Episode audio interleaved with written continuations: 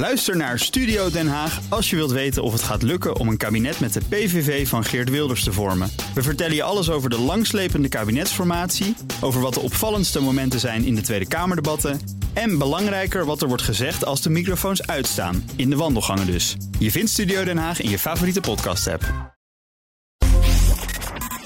Bedankt, want het is gelukt. We zitten bij de laatste vijf als het gaat om de radioring. Het gaat over de Friday Move natuurlijk, maar we willen heel graag die prijs winnen. Dus stem op ons, massaal als het kan, via bnr.nl slash radioring. BNR Nieuwsradio. The Big Five.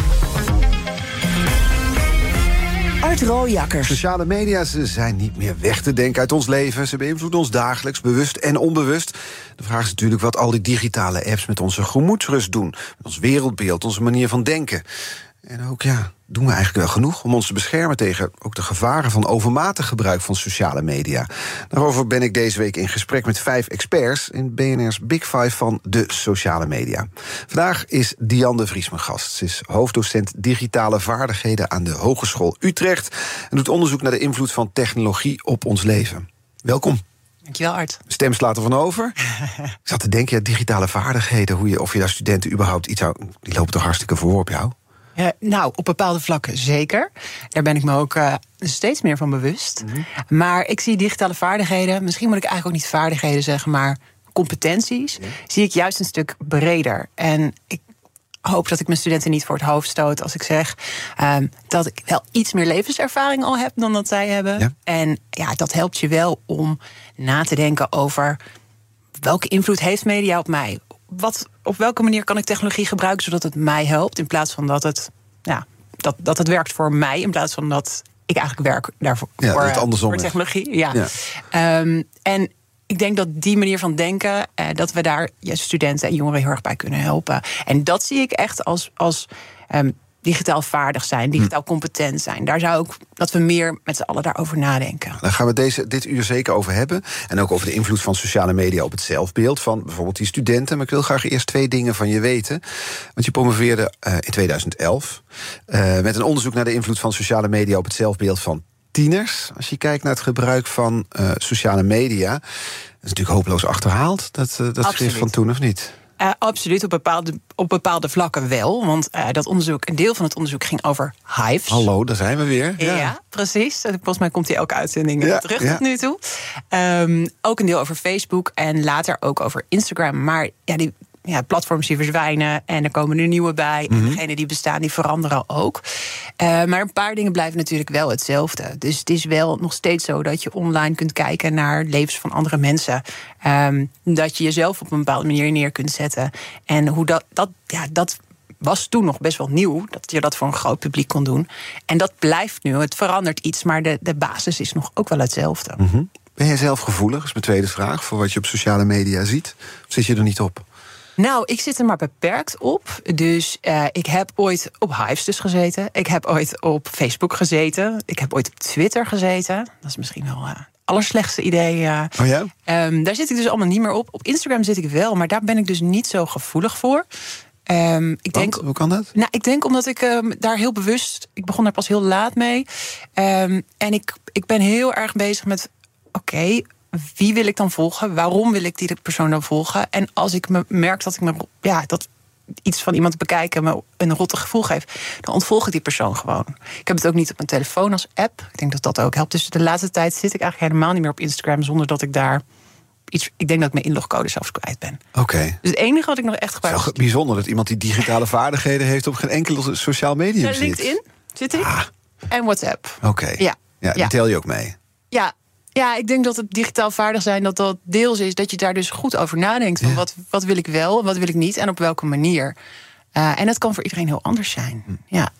We gaan eens uh, duiken in wat cijfers. 62% van de jongeren tussen de 15 en 35 geeft zelf aan verslaafd te zijn aan sociale media. Blijkt dat een, dat is een terugkerend groot jongerenonderzoek heet dat. Volgens mij heet het zelfs letterlijk het grote jongerenonderzoek. 62%, 2 op de 3 jongeren tussen de 15 en de 35 verslaafd. Sociale media. Vond ik schrikken. Ja, um, ik zou dat toch iets willen nuanceren. Want um, dat, dat idee, ik ben verslaafd aan social media. Dat wil niet zeggen dat een jongere echt verslaafd is. Zoals we denken aan verslaving in de verslavingszorg. En ze liggen niet in de hoek van de straat, bedoel je? In een portiek. Nee, nee. Dus we spreken echt van verslaving waar je een behandeling voor nodig hebt. Dan, ja, dan ben je echt beperkt in je functioneren. En wat ik lastig vind, is dat door we overal te hebben over verslaving. Um, social media zijn verslavend. Ja, er zijn bepaalde symptomen van verslaving. Net als bepa mensen bepaalde symptomen van depressie bijvoorbeeld kunnen hebben. Of van angst of van burn-out. Dat betekent niet dat we echt verslaafd zijn. Uh, en wat ik, waarom ik dat onderscheid wil maken, is met name omdat ik ben nou eenmaal verslaafd. Ik heb het ook jou, um, ik wil niet jij bakken, maar ik heb het je ook, ook in een uitzending al van een jaar geleden, denk ik, horen zeggen. Met Damian Denies was dat, denk ik. Ja, uh, ja Vlaamse psychiater. Ja, precies. Ik ben nou eenmaal al verslaafd. Hè. Wij als volwassenen, wij zijn al, ja, we zijn eigenlijk al niet meer te redden. We zijn hopeloos verloren. Precies. Maar mijn kinderen, en um, dat vind ik jammer, want door te zeggen ik ben nou eenmaal verslaafd, is het ook alsof je je handen er een beetje van aftrekt van ja, ah, ik kan er niks meer aan doen. Dat het niet meer je verantwoordelijkheid is. Dus ja. doordat ik zeg over mezelf, ik ben nou een verslaafd aan sociale media en mijn generatie, wij zijn verloren. Dus ja. hoop op die nieuwe generatie dat zij er verstandiger mee omgaan. Dat was een beetje het verhaal. Daarvan zeg je, dan leg je het buiten jezelf, dan heb je jezelf eigenlijk al nou, als verloren ja. opgegeven, hoef je ook niks meer te doen. Precies, ik heb het opgegeven. Ik kan er niks aan doen. En ook nog, ja, die, het, het komt door die platforms. En natuurlijk, die hebben ook dingen die het echt heel moeilijk maakt om ze te laten liggen. Dat merk ik zelf ook. Maar dat ontslaat je niet van bepaald ja, verantwoordelijkheid en vermogen om goed na te denken over: ja, wil ik die, die apps dan gebruiken, ja of nee? Op welke manier dan wel, op welke manier dan niet? Wanneer wel, wanneer niet? Dat zou ik zo mooi vinden als we dat wel blijven doen. Maar oké, okay, dan is het misschien geen verslaving in letterlijke zin van het woord, de wetenschappelijke definitie. Het is in ieder geval een slechte gewoonte. Kunnen we het daarover ja, eens zijn? Ja, ja, en dan die slechte gewoonte, dan wordt het beeld geschetst. Eerder deze week was Tijns Loudsbach mijn gast. Die zegt, oké, okay, we hebben de knapste koppen ter wereld. Die zitten in Silicon Valley de hele dag niets anders te doen... dan te bedenken hoe ze hun sociale media zo verslavend mogelijk maken... dat je bewust en onbewust blijft grijpen naar die telefoon. En dan ben ik, zo'n argeloze sukkel hier in Nederland... ja, die is dus dan misschien niet verslaafd... maar houdt er wel een slechte gewoonte aan over. Een oneerlijke strijd. Ja, en, en dat snap ik wel. En ik snap ook dat uh, Kim Sparretak dan bezig is met... Uh, de Europarlementariër. Uh, ja, vrijdag is de ja, gast van Precies, ja. met wetgeving daarover. Um, ja, toch denk ik, het is ook ook zonde, ook opnieuw om dan te zeggen: nee, maar dat is zo moeilijk, dat is zo, wij kunnen dit niet. Ja, dat, dat kun je wel, weet je. Dat, en probeer het gewoon. En denk erover na, praat erover. Is dit toch ook niet... Sorry dat ik je onderbreek, dat is heel onaardig... maar ik, ik, probeer mijn gedachtenstroom onder woorden te brengen. In de jaren zeventig had je de sigarettenindustrie. En er werd gezegd, het is ook een eigen verantwoordelijkheid van de rokers. Maar moet je kijken hoe moeilijk het is om te stoppen met die sigaretten. Kun je die parallel trekken met jouw verhaal? Ik zou eerder de parallel trekken met... Uh, nou, fastfood of snacks of snoep. Bijvoorbeeld, hoeveel mensen zeggen dat ze verslaafd zijn aan chocola? Ik zeg ook wel zo, oh, ik ben echt verslaafd aan chocola. Ja. Maar ik heb nu al echt al een paar dagen geen chocola gegeten. Ik zit hier volgens mij niet te trillen. Volgens nee. mij komt het wel, Gaat best komt het aardig, wel goed. Ja. Uh, het is wel een slechte gewoonte dat ik als ik s'avonds op de bank zit, denk ik, oh, chocola. Mm -hmm. Maar ik kan ook gewoon zorgen dat ik het niet in huis heb. Nou, dan, ben ik, dan ga ik niet naar de supermarkt om toch die shot te halen. Ben ik dan echt verslaafd? Nee, zit daar niet het wezenlijke verschil? Die chocola kun je voor kiezen om in huis te halen. Maar je hebt nu al de verleiding van de wereld in je, in je hand met die smartphone. Ja, maar dan kun je er nog steeds dus voor kiezen om bijvoorbeeld Instagram maar niet op te zetten. Of uh, ik kan dat als jongere van 15, 16, 17, 14? Kun je, kan dat echt? Of is die sociale druk zo dat je, je, je moet meedoen, want anders lig je gewoon niet in de groep? Nou, dat merk ik wel met bepaalde media. Dat, dat daar gewoon de, de feestjes weet je, worden afgesproken. Of daar echt een contact is. En, en die fase is natuurlijk ook wel. Jongvolwassenheid en de puberteit zijn juist de tijden dat je bezig bent met ontdekken wie ben, wie ben ik. En heel erg bezig bent met, met de mensen om je heen. Dus je vriendengroep. Um, dus, dus dat maakt het wel echt lastiger. Daarmee? Uh, ja, vergelijken om te kijken van wie ben ik en ben ik anders en ben ik het eens. En, uh, maar ook ja, bij wie hoor ik? Bij welke groep hoor ik? En uh, bij welke groep hoor ik dus niet? Mm -hmm. um, dus dus dat, dat zijn wel dingen die het inderdaad voor die groep lastiger maken. En tegelijkertijd hoor je ook jongeren die zeggen: Ja, als ik. Uh, er was een meisje van, uh, van volgens mij 14 die dat zei. 14, 15, die zei: Ja, als ik uh, mijn huiswerk ga maken, ga ik naar de bibliotheek, laat ik mijn telefoon thuis. Kijk, ja, dat vind ik dus heel digitaal vaardig. Of Mhm. heel, heel digitaal competent. Dus dat, je kan er alsnog dan voor kiezen om het op bepaalde momenten wel of niet te doen. Ja. Ja. En, en dan denk ik, dat is dan de uitzondering die de regel bevestigt. Dat meisje dat Ja. naar de bibliotheek gaat en de telefoon netjes thuis laat. En tegelijkertijd zijn er allemaal jongeren die een smartphone niet in de klas mogen hebben, maar op een laptop al die apps open hebben staan. En zich echt niet meer concentreren op het verhaal van die saaie geschiedenisleraar. Ja, ja, en ook daar denk ik, laten we dat gesprek vooral wel aan blijven gaan. En laten we wel met, met jongeren gewoon in gesprek gaan van wat. Wat vind jij nou belangrijk? Wat, wat zijn de dingen waar haal je plezier uit? Wat vind je leuk? Ehm, wat wil je bereiken? En oké, wat welke rol speelt technologie daarin? Welke rol speelt sociale media erin? Helpt dat je of hindert het je? En wanneer wel en wanneer niet? Om, om ze eigenlijk te helpen om daar wat nuance in, in aan te brengen. Ze wil zeggen, nou, dat is, dat is social media, dat is echt, eh, dat gaan ze toch allemaal de hele tijd, de hele dag, dag en nacht gebruiken. Dan heb je het Ja. ook gegeven. Dat is eigenlijk je pleidooi. ja. Dat vind ik een interessante Ja. relativering die Geef je hier aanbrengt. op. Dat is eigenlijk. Ja. En, En, en, leg het niet buiten jezelf. Nee, ik denk wel dat jongeren. ehm, nou ja, die hebben nog wat meer moeite met zelfcontrole. Volwassenen zijn er ook niet super sterk in. Dus soms kan het helpen om jezelf niet afhankelijk te maken van zelfcontrole. En dus kan af en toe juist wat, wat hulp bieden door te, door te zeggen van... nou, weet je, wij spreken af samen in gesprek. We laten de telefoons, die, die doen we niet, die leggen we aan de oplader... als we gaan slapen beneden. En we gaan niet die telefoon ook in de slaapkamer hebben s'nachts. Dat kan jongeren juist helpen om, om een soort extern te hebben. Ja, ik mag mijn telefoon niet in mijn kamer van mijn ouders. Weet je, dat is toch makkelijker dan dat je moet zeggen, dan dat ze moeten zeggen tegen vrienden: Ja, nee, ik had geen zin om op jou te reageren. Weet je, en ik heb niet op jou gereageerd, want. Die strenge vader van me. Ja, dat kan wel helpen. Ehm, en omgekeerd kun je je kinderen ook helpen om dat zelf te doen. Dus te zeggen: Ja, eh, pap of mam, we hadden Ik mag niet. het niet, jij ook niet. Nee, we hebben gezegd geen telefoons aan tafel. En ik ben een verhaal aan het vertellen. En jij zit gewoon eh, je, je LinkedIn of je Instagram of je TikTok te checken. voel me betrapt. The Big Five. Art Rooijakkers. Ja, met vandaag de gast Jan de Vries, hoofddocent digitale vaardigheden aan de Hogeschool Utrecht. We begonnen met een interessante relativering, namelijk je, moet jezelf niet opgeven, geef de jongeren niet op. Er is echt nog wel eh, ehm, iets van een eigen verantwoordelijkheid te nemen. Er zijn nog maatregelen te nemen. Je, je kan stappen zetten waardoor die sociale media je leven niet overnemen. Toch, ik ga even wat dingen, weer wat cijfers naar je toe gooien. Hè, want je promoveerde in 2014 op de invloed van sociale media op je zelfbeeld. Eh, eh, hier, ik, eh, bijvoorbeeld tienermeisjes en jonge vrouwen liggen vaak op de spoedeisende hulp naar zelfverminking of poging tot suïcide. Blijkt het onderzoek van Veiligheid NL, verzoek van Stichting 1 en 3 Zelfmoordpreventie. Gaat om een stijging van 4000 jonge vrouwen in 2013 naar 6000 in 2022. Voor jonge mannen en vrouwen van boven de 30 geen stijging of daling te zien. Dat zijn wel schokkende cijfers. Dan zeg ik niet meteen dat komt door sociale media. Daar, daar wordt onderzoek naar gedaan. Eh, Maar hoe, hoe, hoe, hoe interpreteer jij dat soort cijfers? Ja, ik word daar wel heel verdrietig van. Ik, ik heb zelf eh, klinische psychologie gestudeerd. Ehm, dus dat ging ook juist over nou, psychische ziektebeelden. Ehm, als ik deze cijfers ja, dan weer hoor, ik weet het al, maar het komt toch weer, het komt toch weer hard binnen. Je denkt, ehm, ja, het gaat niet goed op dat, op dat vlak met, eh, met jongeren.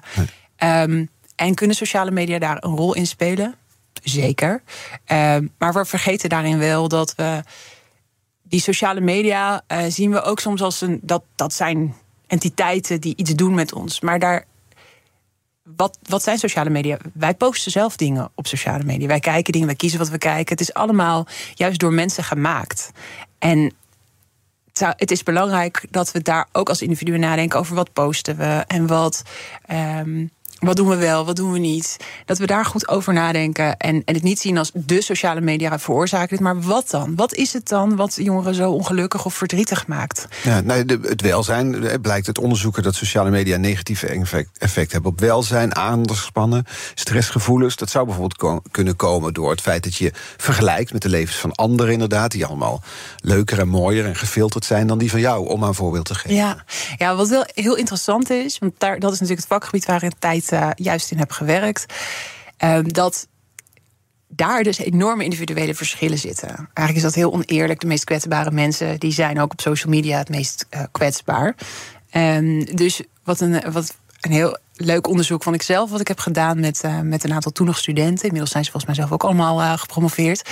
En toen hebben we gekeken naar. Oké, wat is nou het effect van het kijken naar die hele positieve plaatjes, die gefilterde plaatjes van andere studenten op het zelfbeeld? in een experiment. Dus eh, Thijs die zei het kan niet een experiment. Ja, bepaalde dingen kun je dus wel in een experiment doen. Dus we hebben twee groepen, of eigenlijk drie groepen... eh, waarbij één groep echt keek naar die positieve plaatjes... en de andere groepen keken of naar gewone neutrale, ongefilterde plaatjes... of naar eh, helemaal niks. En gemiddeld genomen zagen we geen effect op emoties... bij de studenten die de- deelnamen aan het onderzoek. Maar als we dan keken naar, eh, als we ze dan opdeelden in mensen die zichzelf, die zeggen over zichzelf hè, als persoonlijkheidstrek: ik vergelijk me heel erg met andere mensen. Die mensen, ja, die studenten, die werden minder blij als ze keken naar die positieve posts van andere mensen. Nou, dat verwacht je. Als je je heel erg met andere mensen vergelijkt, dan komen die, negatieve, ja, die positieve posts die komen bij jou binnen als: hé, hey, oké, ze hebben het allemaal veel leuker dan ik. Maar wat ik het meest interessante vond, was dat de studenten die zeiden: Nou, ik vergelijk me nauwelijks eigenlijk met andere mensen. Dat doe ik eigenlijk niet. Die werden juist blij van die positieve posts van andere mensen. Dus die kregen een soort werden blij van de blijheid van andere mensen. Dus dat noemen we in het Engels emotional contagion. Dus eigenlijk een soort emotiebesmetting. Als jij blij bent en ik zie jou. Dan word ik ook blij. Ja. Eh, en dat werkt dus blijkbaar ook op social media. En dat Heel is, interessant. En dat is puur genetisch bepaald? Nou, dat is, dat is een persoonlijkheidstrek. Of dat uit de genetica voortkomt, dat zal Nee, een vaste maar- genetische component zijn. Maar het, ja, het kan ook te maken hebben met hoe je in je vel zit en hoe je naar de wereld kijkt. Eigenlijk hoe je bent wordt versterkt dus in je, of wordt eh, wordt getoond in je gebruik van sociale media. Dat ja, is het. Ja, ja. En die kwetsbare groep die zichzelf dus vergelijkt en er ongelukkig van wordt, zal dat door sociale media zeker ook worden. ja, ja. En dan is het zo, ik ga nog één keer teruggrijpen op eergisteren toen mijn gast Thijs Launsbach was. Thijs Launsbach was. Hij schreef een boek, Asociale Media. Ja. Waarin hij eigenlijk stelt nou, dat het, het, brengt weinig goeds voor, zegt hij. Eh, en hij zegt jongeren onder de 16 geen sociale media moeten die in handen krijgen. Wat vond je van zijn punt? Want je hebt die uitzending geluisterd. Ja, ik vind dat echt een hele lastige. Ehm, omdat ik het moeilijk vind om te weten. Ja, kijk, eh, laat ik het anders zeggen. Even puur gebaseerd op onderzoek. Want er zit al snel een soort mening en, en, en je eigen projectie van wat je zelf ervaart, zit er al heel snel in op dit vlak. Ehm, maar eh, collega's, eigenlijk oud-collega's van mij aan de, aan de Universiteit van Amsterdam, die hebben heel mooi onderzoek gedaan onder jongeren, waarin ze echt eh, met een soort ja, piepjes de hele tijd een soort dagboekje moesten invullen. Dus ze gaven dan aan eh, of ze social media hadden gebruikt eh, en hoe ze zich voelden. Dus worden ze echt gevolgd. En ook daar opnieuw vonden ze eh, gemiddeld genomen eigenlijk geen effecten. Dus ze voelden zich niet slechter of, of onzekerder. Maar opnieuw daar de kwetsbare jongeren wel. Als er gemiddeld genomen geen effect is, dan zullen er toch ook positieve effecten zijn om die negatieve ja, te balanceren. Ja. Dus er zijn ook positieve kanten eh, van social media die jongeren eruit halen. En ik, ja, ik vind het dan ook heel, zou het heel jammer vinden als dat, als dat dan niet meer kan. Plus het stukje haalbaarheid natuurlijk. Ja, ja. Ehm, Nou ja, de haalbaarheid. In de Amerikaanse staat Utah, daar leggen ze het gebruik van sociale media voor minderjarigen aan banden. Kinderen Ja. tot 18 jaar daar, jongeren, moeten toestemming krijgen van ouders om op social media in te loggen. En dan kunnen ouders ook nog alle berichten, TikToks meelezen. Dus het is niet een verbod, maar controle. ja. Is dat een goede aanpak, denk jij als onderzoeker? Ehm, nou, vooral dat laatste. Ehm, ja. Je vindt er wat van. ja. Ik zie het. Nou ja, dan ook als je het zelf terugdenkt aan je eigen. Nou, ik ben nog van de MSN-generatie. Als mijn ouders hadden meegelezen wat ik op MSN zou eh, deed. Zou je kapot schamen. Ja, dat, eh, ze hoeven het nu met WhatsApp-berichtjes ook niet per se te lezen. Nou, nou, ja, het is gewoon een stukje privacy. Dan geef je eigenlijk je kinderen al mee... ja, privacy is niet belangrijk, ik mag alles, mensen mogen alles van je zien. Het hele je hebt niets te verbergen idee... maar ik hoop dat ik dat niet uit hoef te leggen hier. Dat, dat, nou, dat, dat slaat gewoon echt nergens op. En zeker En dat geldt ook voor kinderen onder de 18. Voor jongeren onder de 18 Nou, moeten ook juist. gewoon een eigen ruimte hebben. Nou, juist, want die zijn bezig om een, een zeg maar, ontwikkelingstaak in de adolescentie is om je A los te maken van je ouders, Mhm. eh, en je eigen identiteit te ont- ontdekken, en B ook je seksualiteit te ontdekken. Ja, dat, dat, dat, die twee taken dat gaat niet samen eh, met je ouders die meekijken wat je op social media doet. Eh, Dus ja, ik, eh, nou, ik verwacht, zoiets zouden we nooit in Nederland denk ik invoeren. Maar eh, Schermtijd in de gaten houden kan wel, toch? ja, en, en hoe, hoe jonger de kinderen zijn, hoe meer je dat denk ik moet doen. En ja, ze daarin begeleiden en, en Ehm, restricties zijn denk ik, ja, ehm, mijn, mijn kinderen zijn nog wel heel erg jong, maar ik denk dat, dat je dat oud steeds. zijn ze? Eh, de jongste is tien maanden. Die heeft nog geen. TikTok-account, denk ik. Eh, nou, ik heb, ik heb zelf ook geen TikTok-account. Dus, eh, dus ik heb niet filmpjes van hem op TikTok staan. Nee. Nee, nee, hij is niet terug te zien op social media. Nee. En de oudste is, die wordt in april vier. Ja, dus dat, dan komen die jaren eraan straks dat je hierover gaat nadenken. Zeker, zeker. En daar denk ik dat, het, dat, dat ze steeds meer die vrijheid krijgen naarmate ze zelf steeds vaardiger worden, steeds meer weten, steeds meer levenservaring, steeds meer ervaring met digitale media. En ik denk dat het op een bepaalde leeftijd wel goed is om te zeggen: ah, ah, nu nog even niet. Vind 16, 16 vind ik een beetje misschien iets te oud. Dan kun je het over hebben. Ehm, ja, 9 vind ik echt nog wel bijvoorbeeld heel erg jong. Ehm, dus ja, ik denk Het is dat nu 12, 13 volgens mij voordat je een account kan aanmaken, officieel. officieel. Ja. Ja, Niet dat iemand zich daar aan hoeft te houden, want het wordt niet gecontroleerd, toch? Nee. Nee. Nou ja, ja. Nog- Nog even, ik zat te denken aan wat jij net zei over zo'n kwetsbare groep... die dus eh, eh, zich vergelijkt met anderen en daar ongelukkiger van wordt... negatiever zelfbeeld van krijgt. Gisteren eh, zei mijn gast Vanessa Hofland... ze is managing director bij bureau Media Monks, Media Monks. Ze zegt, nou, straks komt er AI aan... dan kunnen wij nog veel duidelijker targeten op eh, advertenties voor gebruikers. Dus als, eh, je zwarte trui houdt, ja, houdt vooral van zwa- zwarte kleding... zal je met name dat zien, niet maar al die andere kleuren. Dus AI in combinatie met die algoritmes... die sowieso al zo sterk zijn... Als ik dan die redenatie nog volg van wat je net zegt... als het zo is dat je natuurlijke neigingen eigenlijk versterkt worden... Ja. je zegt, dan wordt dat wel eh, dus nog meer versterkt in de toekomst. Ja, ja, dat is zeker een risico. En wat ik ook alweer interessant vind, is, is dat er ook. We denken, kinderen weten echt niks van AI. En inderdaad, we hebben een onderzoek gedaan over digitale vaardigheden. En in die interviews wisten ook veel volwassenen. Ik moet zeggen dat dit pre-ChatGPT-boom was. Eh, het woord AI keken ze me echt aan van. Wat? AL? Oh, er staat AI. Oké. Ja, ja. Wat? Geen idee. Ehm bij kinderen was het natuurlijk helemaal zo. Maar als je ze dan vraagt over of ze weten dat verschillende mensen verschillende dingen zien online. Dat weten dus heel veel kinderen wel. En NRC stond laatst hele interessante stukjes over. eh, met interviews met kinderen van elf, meen ik. Die net, eh, ja, die dan eh, hoe zij met hun, of een telefoon hadden. En wat voor een en hoe ze ermee omgingen. En daar hoorde ik dus ook een. of las ik ook dat één eh, elfjarige zei: Ja, als ik dan eh, eh, op filmpjes, bepaalde filmpjes klik die ik leuk vind, dan krijg ik daardoor steeds meer van. En als ik gewoon maar niet klik op de filmpjes die iets engs of iets, iets vies hebben, dan krijg ik daar steeds minder van. Dat is eigenlijk al een vorm Een van. soort digitale vaardigheid. Ja, en Ja. dat is natuurlijk een heel mooi aanknopingspunt voor het gesprek al met kinderen op die leeftijd. We moeten niet denken, oh, die zijn te jong. AI, dat is. pff, daar weet ik zelf al zo weinig van, weet je, we blijven daar vandaan. Mhm. Op die manier kun je ze juist ook helpen om eigenlijk het algoritme een beetje te hacken. Van oké, wat, wat wil ik zien? Daar, op basis daarvan ga ik bepaalde dingen wel of juist niet aanklikken. En daar kun je ook mee spelen en experimenteren. Wat gebeurt er als ik alleen maar kattenfilmpjes aanklik? Wat, eh, wat krijg ik dan vervolgens in mijn feed te zien? Ja, ja. Ik ga zo verder spreken met Diane Vries... die, eh, die een, een heerlijk relativerend geluid heeft in deze week. We gaan het hebben over de digitale weerbaarheid van Nederland. We gaan er ook nog de kettingvraag stellen van Vanessa Hofland van Media Monks. En dat gaat dus over AI inderdaad. Daar komen we zo aan toe. Die kinderen onder de tien die opgroeien met AI... en niets anders, die er al zoveel van weten. Ik ga het er allemaal voorleggen. Diane Vries, blijf luisteren. Bij BNR ben je altijd als eerste op de hoogte van het laatste nieuws. Luister dagelijks live via internet. Bas van Werven. En heel langzaam komt de zon op rond dit tijdstip. Je krijgt inzicht in de dag die komt op BNR, het Binnenhof in Nederland en de rest van de wereld. De Ochtendspits. Voor de beste start van je werkdag. Blijf scherp en mis niets. Blijf scherp. BNR Nieuwsradio. The Big Five. Art Rooijakkers. Welkom bij tweede half uur. Deze week vijf kopstukken uit de wereld van sociale media. Later deze week praat ik nog met Kim van Sparretak. Europarlementariër namens GroenLinks. eh, over het Europese wetsvoorstel van, van haar hand... om sociale media aan banden te leggen. Tenminste, de verslavingsgevoeligheid daarvan aan te pakken.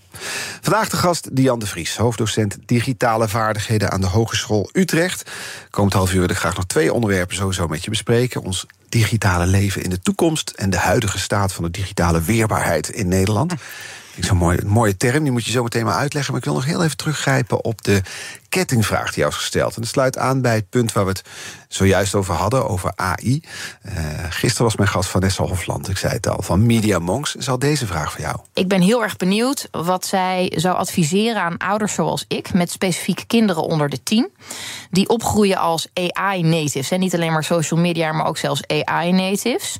Wat um, zou zij adviseren om als ouders om te doen? Uh, om mediawijsheid uh, bij te brengen? En waar kunnen we ook de scholen waar onze kinderen op zitten... op aanspreken om daar ook een rol te spelen? Ja, mooie vraag, Vanessa. En uh, ik denk uh, dat je alleen al door hierover na te denken uh, al heel goed bezig bent. en dat jouw kinderen daar heel veel profijt van, van gaan hebben. Um, we hebben het er net kort al over gehad. Dat we vaak denken: oh, AI, dat is nog heel ingewikkeld. Dat moet je niet met een kind van, van tien of zelfs nog jonger gaan bespreken. En ik noemde net ook al een voorbeeld van dat kinderen echt wel uh, ja, al door kunnen hebben dat ze als ze op bepaalde dingen klikken, dat ze daar dan meer van te zien krijgen. En als ze bepaalde dingen juist er niet op klikken, dat ze daar minder van te zien krijgen. Dus een bepaalde um, AI-vaardigheid kan je echt al wel jong bijbrengen. En het is leuk om daar samen mee te experimenteren en het gesprek aan te gaan. Dus mijn tips zijn eigenlijk hetzelfde als dat we um, ja, ook de rode draad eigenlijk van, ons, uh, van het boek wat ik met Peter Nick heb geschreven, De Schermwijzer. En dat, dat is echt voor ouders van alle, ja, uh, van alle leeftijden. Van hoe ga ik nou met mijn mediaopvoeding om? Um, en daar is de rode draad. Voor alle leeftijden geven we daar praktische tips over. Ga in, het, ga in gesprek met je kind. Maak op basis daarvan afspraken. Um, en uh, ja, geef zelf ook het goede voorbeeld. Ehm, dat, zijn, uh, dat zijn toch wel de belangrijkste tips. En als het dan om, om AI specifiek gaat, uh, ja, dan ten eerste, uh, ja, wat ik net eigenlijk zei, ga, ga ermee in gesprek, ga samen mhm. experimenteren. Ga ook hierover. Ook hierover. dat is het toch wel handig als je zelf enige kennis van AI hebt. Uh, ik, ik, merk dat mensen vaak zoiets hebben: oh, ik weet niks hierover, of ik weet niks over social media, dus ik ga het gesprek maar niet aan, want mijn kinderen weten misschien al meer dan ik. Ik wil niet, uh, uh, ja. Die boomer zijn. Ja, die boomer zijn, inderdaad. Maar juist, dat, dat maakt juist een leuke dialoog. Als jij niet. Het werkt juist niet zo goed, dat merk ik ook met studenten. Als jij gaat vertellen hoe het zit in, in de wereld. En zeker niet op digitaal vlak. Maar door oprechte interesse te tonen van wat zie je, wat ervaar je, wat voel je. En je eigen ervaringen te delen. Um, dat kan heel, wel heel erg helpen. En zeker als je dan tot gedeelde afspraken uh, kan komen. Kijk, onder de tien is er natuurlijk een grotere rol voor zelfrestricties plaatsen. Uh, en zelf, ja, dan heb je gewoon dan heeft een kind nog minder autonomie. Zo, dat is gewoon zo. Um, dus, dus dat is natuurlijk de, de tweede, het tweede punt. Is natuurlijk dat je wel bepaalde restricties al wel um, kunt stellen. Dus als het gaat om data delen, dat je dingen uit kan zetten. Uh, dat je zegt, nou, bepaalde uh, TikTok bijvoorbeeld, vind ik mijn kinderen echt nog te jong voor, of wil ik überhaupt niet dat ze dat doen. Dat zijn dingen waar je, ja, waar je goed zelf ook over na moet denken. Dus het begint toch eigenlijk met, met dat je zelf mediawijs bent. Dat je zelf digitaal competent bent. En het is niet zo dat er dus, want je noemde net al het boek dat je met Peter Nick hebt geschreven. Het is niet zo dat je kan zeggen: een kind van zes gaat zo laat naar bed, moet dit eten, moet zoveel drinken, mag zoveel tijd achter een scherm doorbrengen. Ja, dat kan zeker wel. Uh, zeker. maar er zijn geen algemene voorschriften voor. Um, of bepaal je dat als ouder? Nou, er zijn wel richtlijnen. Uh, bijvoorbeeld uh, in Amerika, er, ja, daar hebben ze bepaalde ideeën over. Bijvoorbeeld twee uur voor die leeftijd, nul uur voor, voor onder de twee. Ik geloof daar zelf wat minder in. Um, omdat het mij meer gaat. Kijk, ik vind er nogal een verschil zitten tussen uh, op TikTok zitten of een, um, een, een app gebruiken waarbij een educatieve app gebruiken, bijvoorbeeld. Mhm. dat, is, dat zijn twee verschillende dingen. Of uh, gisteren had uh, Vanessa het ook over uh, Roblox en die creativiteit. Dat vind ik ook weer wat anders. Dus, dus ene mediagebruik is niet hetzelfde als het andere. En ook, um, het gaat om wat zou je anders aan het doen zijn. Als, jij, als je kinderen uh, anders aan het buitenspelen zouden zijn en dat je wil dat ze bewegen, ja, dan is het zonde als ze de hele dag op een, op een schermpje zitten te kijken. Dus, dus die zeker als ze nog klein zijn, bijvoorbeeld mijn, mijn jongste, die is dan elf maanden. Ja, die, die slaapt zoveel. Die, er is zo weinig tijd over. Als die de hele dag voor een scherm zou zitten, nou heeft hij er nog nul interesse in. Mhm. Dan blijft er niks meer over voor andere belangrijke dingen. Dus het gaat mij meer om um, waar gaat het ten koste van en wat gebeurt er precies, dan om de specifieke hoeveelheid tijd. En ook um, is het lastig om te zeggen twee uur. Ja, je kan wel met zo'n, je kan wel. Um, bepaalde dingen instellen. Uh, maar daar weten kinderen al vrij snel hoe ze dat kunnen omzeilen. Wat ik zelf uh, doe en ook anderen aanraad, zeker op de jongere leeftijd, dat je het meer koppelt aan activiteiten. Dus wij hebben bijvoorbeeld een regel: er mag uh, gekeken worden naar filmpjes uh, als wij aan het koken zijn. Dat is een heel, ja, heel kort moment vaak. Ja. Ja, en hè, dat er dan een keer... Je maakt iemand- één pansmaaltijden die in 10 minuten klaar zijn. dat ja, dat is wel een beetje hoe het gaat in de tropenjaren, zeker. voor, voor twee dagen. Dus het is, het is inderdaad maar kort. Ja. Ehm, maar het is overzichtelijk. En, en dat is dan een gewoonte. En kinderen weten dat op een gegeven moment. En dat scheelt gewoon heel veel gezeur. Ja, heel veel discussie ook. Heel We zijn nu op kinderen en jongeren aan het focussen. Ik wil eigenlijk even naar de andere kant kijken. Want eh, eh, wat is het? Ik kwam eh, weer cijfers tegen die ik graag aan je voorleg. 79% van de Nederlanders, zeg maar 80% boven de 12 jaar, beheerst op zijn minst de digitale basisvaardigheden. Ja. Dat betekent volgens mij dat je kunt inloggen. eh, dat je een wachtwoord kunt aanmaken, dat soort dingen, hè, of niet? Daar hebben we het Nou, bij dat onderzoek is, als het hetzelfde dus onderzoek is... sta- statistiek. Ja, die hebben vooral gekeken naar... eh, doe je bepaalde activiteiten? Ehm, dus dat is een wat andere benadering dan dat ik zelf kies. Eh, zelf kijk ik meer naar... in hoeverre geven mensen aan dat ze iets ook echt beheersen of iets echt kunnen. Dus dan is het meer een, soort glijdende schaal. Van Mhm. ik kan het helemaal niet tot ik, ja, ik kan het best wel goed. Dat is dus 20% van de bevolking. 1 op de 5 Nederlanders heeft dus niet de vaardigheden om met Ja. de digitale wereld om te gaan. Ja. Ja, dat is wel grappig, want het wordt heel erg gepresenteerd, vond ik in de media. Als kijk, we zijn het meest digitaal vaardige land. eh, Ja, want we stonden bovenaan de Europa, ranglijst van ja. alle EU-landen inderdaad. Ja, van Europa was het. Ehm, en, en dat is de ene kant, dat is altijd met cijfers. Focus je je op het positieve, focus je op het negatieve. Misschien is dat ook weer een uitvergroting van het karakter. Net als het zelfbeeld bij sociale media waar we het over hadden. Ja, zeker. Maar ehm, dat is wel, het stuk digitale inclusie wordt het ook wel genoemd, is wel iets waar ik zelf ook wel mee bezig ben. Want er is ook een hele ja, een groep die niet gebruik maakt van de mogelijkheden die technologie biedt. En misschien is dat voor sommige mensen helemaal niet erg. Die missen helemaal niks. Die hebben zoiets van. Nou, het, eh, ik vind het wel prima zo. Dat is, dat is ook helemaal oké. ik, vind niet dat, ik vind dat we soms iets te veel zeggen van... iedereen moet bepaalde dingen kunnen en beheersen. Eh, en dat vind ik zonde. Want ik zou het meer om willen draaien en te kijken van... wat zijn dingen die eh, mensen die nu misschien nog weinig digitale basisvaardigheden hebben... wat zouden ze nou willen leren? En dan begin je niet met een DigiD of een internetbankieren... of al die andere dingen die wij zelf als... Nou, misschien iets meer digitaal vaardig mensen ook gewoon heel stom vinden. Ehm, misschien vindt, vinden zijn er mensen die het leuk vinden, maar, maar meer bij de nooit dingen... iemand horen zeggen DigiD, dat is mijn Ja, hobby. het- Er zijn er, Nou, ze zijn er passie. vast bij. Ja? Ze zijn er vast bij. Mogen zich melden bij BNR. Ja, precies. Ehm, maar er, ja, er is zoveel leuks wat je kan ontdekken. Misschien willen die mensen wel zelf eh, iets online kunnen kopen. Mhm. Of via Marktplaats iets verkopen. Of misschien willen ze wel kunnen videobellen met ehm, familie. Of met, met, ja. Dus ik zou wat meer uit willen gaan van wat willen, wat willen mensen leren? Wat en, en waarom? En wat willen ze ermee bereiken? Hoe kan technologie ons daarbij helpen? Eh, dan jij moet dit. Ja. En je, je hebt zelf gewerkt aan een online tool eh, van de overheid om die digitale kennis en vaardigheden te testen. Hè? Klopt. Dus, Hoe werkt dat? ehm, Hoe test je die vaardigheden? Nou, wij hebben. eh, de, de, DigiQ heet het. Dus als je naar www.dedigiq.nl gaat, eh, dan kun je daar zelf eh, de test doen die wij hebben ontwikkeld. En dan krijg je ook adviezen over waar kun je dan, eh, welke dingen kun je dan verbeteren. Hè, wat, waar scoor je al heel goed op en waar wat minder. En met ook links naar gratis Nederlandstalig aanbod om ook die volgende stap te zetten. Ehm, dat hebben we gebaseerd op een heel groot onderzoek. Inderdaad, in opdracht, of eigenlijk niet in opdracht, maar met subsidie van het ministerie van Binnenlandse Zaken. Eh, die tool is overigens niet van eh, Binnenlandse Zaken, maar van eh, de UVA. Eh, daar hebben we ja, gewoon een heel groot onderzoek gedaan om te kijken hoe kun je dat nou meten. En dat is waar ik net ook over vertelde. Meer die glijdende schaal van op verschillende onderwerpen. Ja, hoe goed kun je iets? En daarnaast ook een kennistoets. Want kennis is natuurlijk toch ook wel belangrijk. Hoe bedoel je dat? Nou, eh, het gaat niet alleen om het, kun- het dingen kunnen, maar je moet ook wel bepaalde dingen weten over, nou, bijvoorbeeld eh, dat AI bestaat en dat daar Ja, ja, hoe dat werkt. Ja, ja. Ehm, De, basis, de basis moet er zijn dan. En dan, dan doen we het eh, eh, altijd dus goed. Want we staan bovenaan het lijstje van de EU. is toch fijn dat we ergens dan Europees kampioen in zijn, zou je kunnen zeggen. Maar ja, je kan ook focussen op die 20% zoals je al zegt. Waar let je op? Dus wat, wat is dan een volgende stap om Nederland digitaal vaardiger te maken in jouw ogen?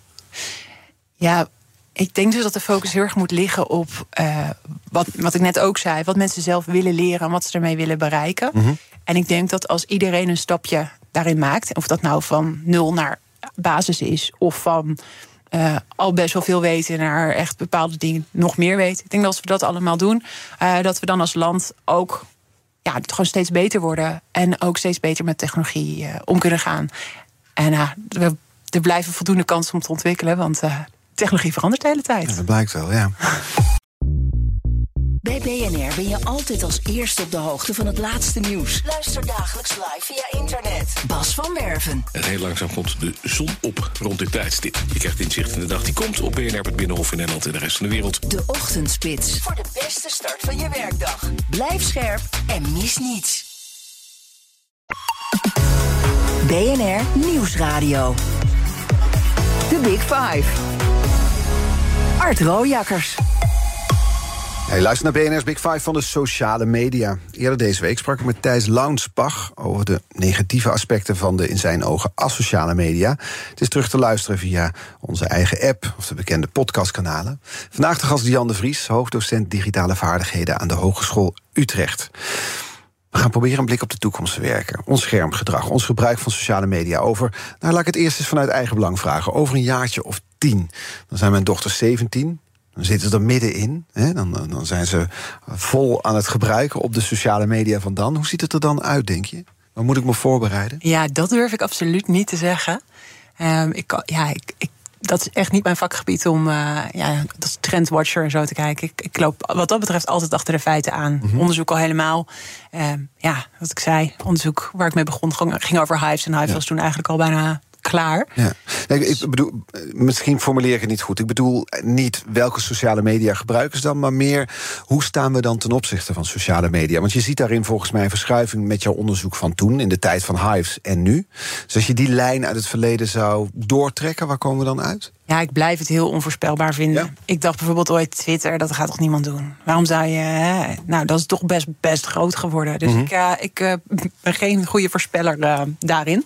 Ik heb echt de data nodig en, uh, om ja. erachter te Daar waag je niet zit. aan. Nee. Ja, daar waag ik me niet aan. Nee, nee. nee. Wat kan ik, want ik, ik vond die relativering die je bracht in het eerste half uur zo, uh, zo fijn. Al is het maar om mijn eigen gemoed gerust te stellen. Maar als, als ik jouw verhaal samenvat, zeg jij bij uh, jongeren, bij kinderen, ga het gesprek aan met ze. En ga er heel, laat ze bewust stapje voor stapje toe op die uh, sociale media. Want als je in zijn algemeenheid kijkt, hè, want ik zag, zei over mezelf, ik ben verslaafd en leg het daarmee buiten mezelf, zei jij. Uh, maar is het op dit moment zo dat. Misschien een wat filosofische vraag. Dat sociale media controle hebben over de gebruiker? Of heb ik als gebruiker controle over mijn sociale media? Ik hoop toch ook het laatste. En het gaat natuurlijk in beide richtingen. Um, ik hoop ook dat er. Ik, wat we nu, ik werk nu bij uh, opleiding onder andere bedrijfskunde. Uh, wat ik. Wat we studenten juist steeds meer proberen mee te geven, ook in het economische domein, is een ja, nadenken over wat wat zijn nou de, de waarden van waar streven we naar als bedrijfskundigen?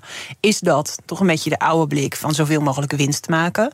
Um, het idee is dat daar toch wel steeds meer van afgestapt wordt. En steeds meer wat we dan noemen meervoudige waardecreatie. Dus het welzijn van de werknemers. En zeker in zo'n krappe arbeidsmarkt wil je dat goede mensen, goede mensen houden en dat die ook goed werk kunnen doen.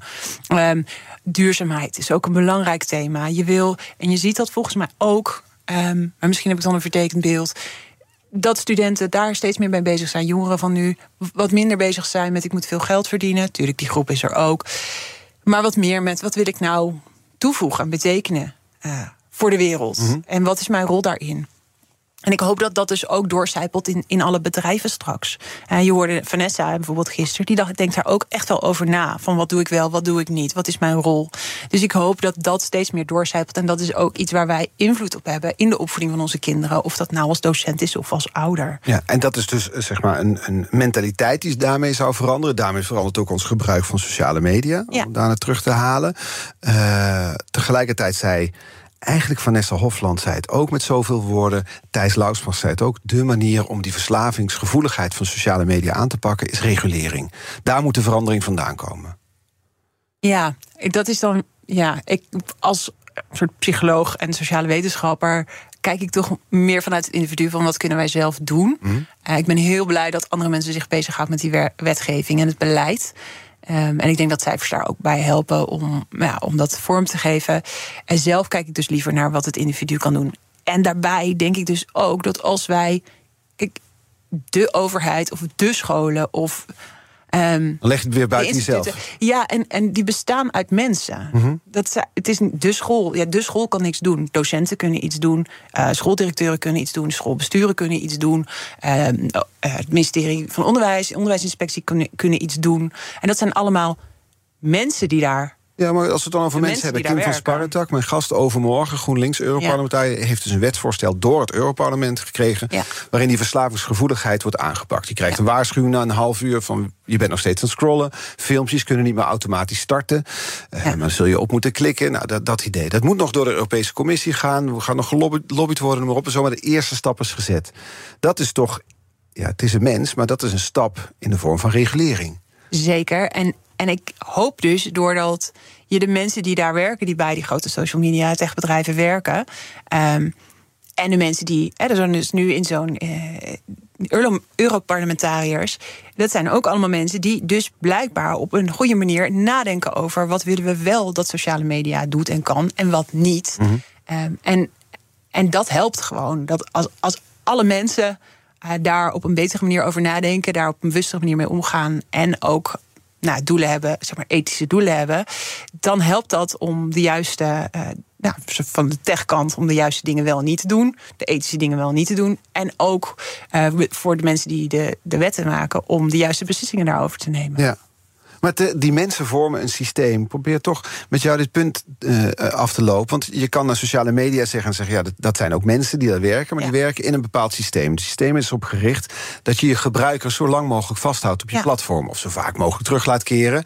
Want daarmee eh, is het verdienmodel interessanter. Er zijn dus allerlei mensen daar die daarover nadenken... om dat voor elkaar te krijgen. Die zullen binnen dat systeem de verandering niet zo snel teweeg brengen. De, de verandering om zo'n platform minder verslavingsgevoelig te maken. Ik hoop het dus eigenlijk wel. Ik hoop dat dat dus wel gebeurt. Ja. Maar misschien ben ik dan weer te optimistisch. Ja. Maar ik, ja.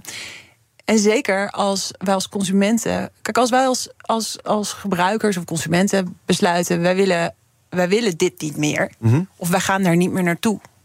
Eh, wij boycotten dit eigenlijk. Of, eh, Maar niet omdat we dus nou, niet verslaafd zijn, maar omdat het een slechte gewoonte is. We kunnen er nu maar niet meer gewoontes stoppen. kun je toch mee breken? Ja, jij misschien, maar lang niet iedereen, toch? Ja, nou, ik, ja, ik, denk, ik denk dus van wel, het is lastig, maar je kan het jezelf ook makkelijker maken. Je kan de apps van je telefoon afgooien. Dat is, helpt al als je het alleen maar op je laptop gebruikt. Je kan besluiten dat je alleen maar bepaalde mensen wil volgen. Als je denkt, oh, alle, alle, eh, via Instagram gaan alle, komen alle uit, uitnodigingen en alle gesprekken. Ja. Dan gebruik je toch alleen de messenger eh, en, en volg je alleen je vrienden bijvoorbeeld. En ga je niet alle influencers volgen. Je hebt echt wel controle. En ik denk dat we heel vaak denken: oké, je moet het of helemaal wel of helemaal niet gebruiken. En dat is ook het makkelijkst. Ik merk zelf ook, ik heb met WhatsApp bijvoorbeeld echt een haat-liefde verhouding. Ik ehm, heb dus een tijdje zelf gewoon alles van mijn telefoon afgegooid, een maand lang. Dus WhatsApp heb ik er vanaf gegooid. Ik heb ook de browser van mijn telefoon afgegooid. Ehm, omdat ik bijvoorbeeld heel veel nieuws checkte. Ja, wat ik eigenlijk niet blijer van werd. En ik dacht, nou, kijk even naar eh, hoe ik na een maand mij voel daarover. En tot mijn verbazing, die browser die miste ik dus helemaal niet. Dus die is er nu nog steeds af. Dus ik ben totaal niet op de hoogte van het nieuws, behalve als ik op zaterdag NRC lees. Ehm, en, maar dat WhatsApp, dat, dat blijf ik een lastige vinden. Omdat daar toch wel ja, dingen gebeuren. Ehm, contact met, met vrienden, met familie. Ja, dat, dat miste ik dan toch, eh, toch erg. En tegelijkertijd geeft het me veel onrust. Maar ja, Ben jij niet, misschien ben jij de uitzondering die dat dus kan. Het, het overgrote deel van de mensen heeft de app wel op de telefoon staan. Heeft die sociale media er wel op staan. Grijpt wel bijvoorbeeld naar de chocola bij de kassa van de supermarkt op het laatste moment. Terwijl ze weten dat ze het niet moeten doen. Om maar een voorbeeld te geven. Dus die eigen verantwoordelijkheid van mensen. Ja, het is, het is nog steeds echt druk in de gemiddelde snackbar. Ja, nou, ik, ik, nu schilder je me af als het meest eh, gedisciplineerde persoon. Ik denk Nee. dat, dat heel veel mensen die mij kennen, Nu zit het- zeker op voedingsgebied, daar heel, om gaan, heel hard om gaan lachen.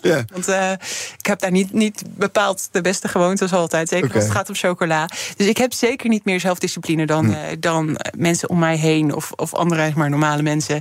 Ik denk dat we het vooral. niet moeten laten afhangen van die wilskracht. Die wilskracht dat, dat is maar heel beperkt, Ja. zeker s'avonds. Routine, dat moet het zijn. Routine. En ook ehm, maak nieuwe gewoontes. Dat wat heel vaak gebeurt is, oh ja, ik zit te veel op mijn telefoon, dat wil ik niet. Dat, Dus leg ik hem weg. ja, nou, dat helpt al als je hem weglegt en buiten beeld. Maar wat ga je dan doen? Ja, moet je denken met je partner praten. nou, bijvoorbeeld, maar als die op zijn telefoon zit, heb je daar misschien wel minder aan. Ja. Eh, maar misschien ga je een boek lezen of een hobby waar je nooit aan toe komt. Of je, je moet een alternatief hebben. Want Mhm. als het alleen maar is, ik wil minder mijn telefoon gebruiken. Ja, dat, dat, dat gaat hem niet worden, nee. Dan, dan ben je inderdaad hopeloos verloren. Dan, je moet echt denken, wat levert het me op? Want je bent er ooit mee begonnen omdat het je iets oplevert. Je zit niet op de telefoon omdat die telefoon een soort van magnetische straling heeft... en je daardoor er niet van los kan komen. Nee. Zit erop, want het levert je wat op. Ja. Ga dan naar wat levert het me op? Of En ga levert daar, het ooit? ga daar naar terug. Ja. Ja, denk ga daar goed over na. Ik ga snel met je door, want Marcel Molenaar is morgen mijn gast. Die mag jij een kettingvraag stellen. Hij is de topman van LinkedIn in de Benelux. Wat zou je van hem willen weten? Nou, ik eh, ben heel benieuwd. Eh, ik heb gezien dat hij ook heel erg bezig is met, eh, met vaardigheden, met skills. Het, het, wat in de bedrijfskunde ook wel de re- en upskilling vraagstuk genoemd wordt. Dus eigenlijk, er komen allemaal nieuwe technologieën. We zitten eigenlijk in een, in een digitale transitie. Ehm, maar ja, wat, hoe zorgen we dat ons werk goed blijft? En hoe zorgen we dat we goed blijven, werk blijven doen en, en ehm, dat werknemers ehm, ja, daarin mee kunnen komen? Veranderen banen eh, en hoe dan? En wat moeten vooral wat moeten mensen daar dan voor kunnen? Welke, welke skills, welke vaardigheden hebben mensen dan nodig? Eh, dat is een, een interesse, denk ik, die Marcel en ik heel erg delen. Dus ik ben heel benieuwd, wat ziet hij nou als hij één skill moet kiezen? Wat vindt hij dan iets waar we echt aan moeten werken? Wat ziet hij zelf in zijn eigen bedrijf? Ehm, en wat, waarvan zegt hij van, nou, dat is iets in mijn team, daar selecteer ik op. En, en dat wil ik ook ontwikkelen bij mijn werknemers. Ik ga het morgen voorleggen Marcel Molenaar. Ik ben heel benieuwd. Topman van LinkedIn in de Benelux. Diane de Vries, dankjewel voor je komst en de woorden en de relativering vandaag. Hoofddocent digitale vaardigheden aan de Hogeschool Utrecht. Onze afleveringen zijn terug te luisteren, die van de Big Five. Je kunt dat doen via onze eigen app of je favoriete podcastkanaal. Hoef je geen aflevering te missen. En nu op deze zender BNR Zaken doen. Thomas van Zijl, tot morgen. Ook Bas van Werven vind je in de BNR-app. Ja, je kunt live naar mij en Iwan luisteren tijdens de ochtendspits. Je krijgt een melding van Breaking News. En niet alleen onze podcast Ochtendnieuws, maar alle BNR-podcasts vind je in de app. Download nu de gratis BNR-app en blijf scherp.